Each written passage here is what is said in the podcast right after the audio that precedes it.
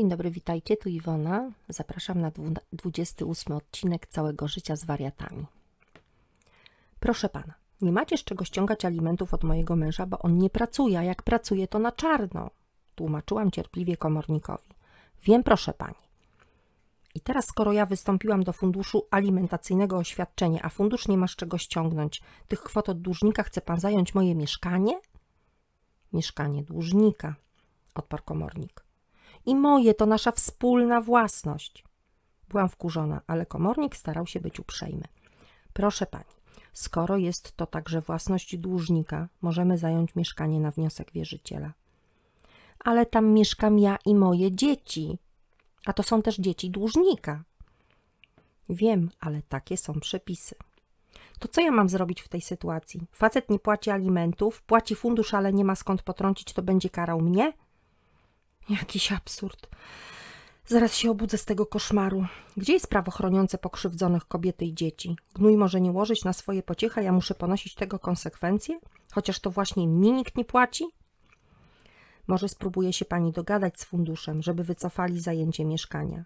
Komornik nadal próbował coś zaproponować. Ale jak mam to zrobić? Proszę spłacić dług męża funduszu i wystąpić do nich z wnioskiem o cofnięcie zajęcia. My tu nic nie możemy zrobić. Super propozycja, nie ma co. A jak duży jest ten dług? Chciałam już znać wszystkie szczegóły. Aktualnie to 9 tysięcy plus odsetki, razem około 13 tysięcy. Matko, skąd ja mam wziąć takie pieniądze? Z nerwów zaczął boleć mnie żołądek. To już pani sprawa. Ja tylko podpowiadam, co może pani zrobić. Pan komornik kończył obsługę mojej osoby. Jeśli nic pani nie zrobi w ciągu 14 dni, rozpoczniemy procedurę zajęcia lokalu mieszkalnego. Ach, wyszłam zdruzgotana. Co jeszcze muszę znieść przez tego nieodpowiedzialnego obiboka? Skończyło się to tak, że kredyt wzięli rodzice, bo ja nie miałam zdolności kredytowej. Będę go spłacać przez 5 lat. Uregulowałam dług prawie byłego z funduszu alimentacyjnego, w zamian za co wycofano zajęcie. Mogę dochodzić zwrotu długu od Zenka na drodze sądowej w procesie cywilnym, na rozpoczęcie którego potrzebuję kasy na kaucję sądową i adwokata. Nie mam więc żadnych alimentów na dzieci, a szanowny mąż robi co chce. W pracy siedziałam zupełnie bez energii. Nie miałam ochoty obsługiwać klientów i jak na zbawienie czekałam na przyjście pani Ani. Około południa przy ladzie pojawiła się ciocia Janka. Była kuzynką mojej mamy, najbardziej ciekawską i wścibską osobą spośród rodziny. Cześć Basia, zaszczebiotała. Cześć ciociu, odpowiedziałam powoli. Co ty taka smutna głowa do góry? Tak, ciociu. Co tam potrzebujesz? Zapytałam, bo ciocia czasem robiła u mnie zakupy. Wpadała wtedy jak w burza na halę. Biegiem przeciskała się do mojego stoiska. Wybierając majtki, zadawała setki pytań, a gdy była już usatysfakcjonowana tym, co usłyszała, znikała w tłumie, nie dając możliwości zadania choćby jednego pytania jej.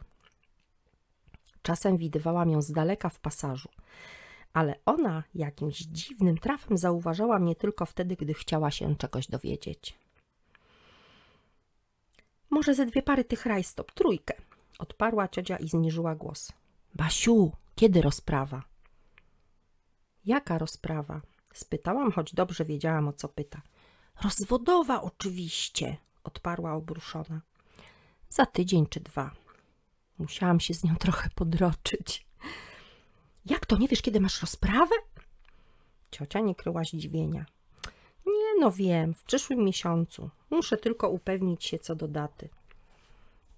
Basiu, ciocia ponownie pytała szeptem, a Zenek cię bił? I tu nastąpiła cisza. Nie, nie bił mnie, ale psychicznie znęcanie się nad rodziną jest, zdaje się, czasem gorsze niż przemoc fizyczna, prawda? Cóż, skoro niektórzy sądzą, że jeśli facet nie bije, to w zasadzie jest dobrym mężem. Do domu wróciłam wykończona. Dzień obfitował w nieprzyjemne sytuacje. Najpierw komornik, potem ciocia Janina. Dzieciaków nie było, więc musiałam wyjść z psem, który na mój widok posikał się z radości. Chodziłam z nim z pół godziny po osiedlu, właściwie bez celu. Gdy wróciłam, pod drzwiami mieszkania stał jakiś facet. Dzień dobry, powiedział, gdy tylko wysiadłam z windy i skierowałam się do drzwi. Dzień dobry, pan do mnie? spytałam. Tak, z energii, pokazał identyfikator. Proszę. Otworzyłam drzwi. Niech pan wejdzie, o co chodzi? Mam zlecenie na odcięcie licznika, nie zapłaciła pani rachunku. Zimny pot oblał moje plecy. Hm, oczywiście, że nie zapłaciłam, ale mam dopiero tydzień po ślizgu. I już nasyłają na mnie faceta, żeby wyłączył mi prąd?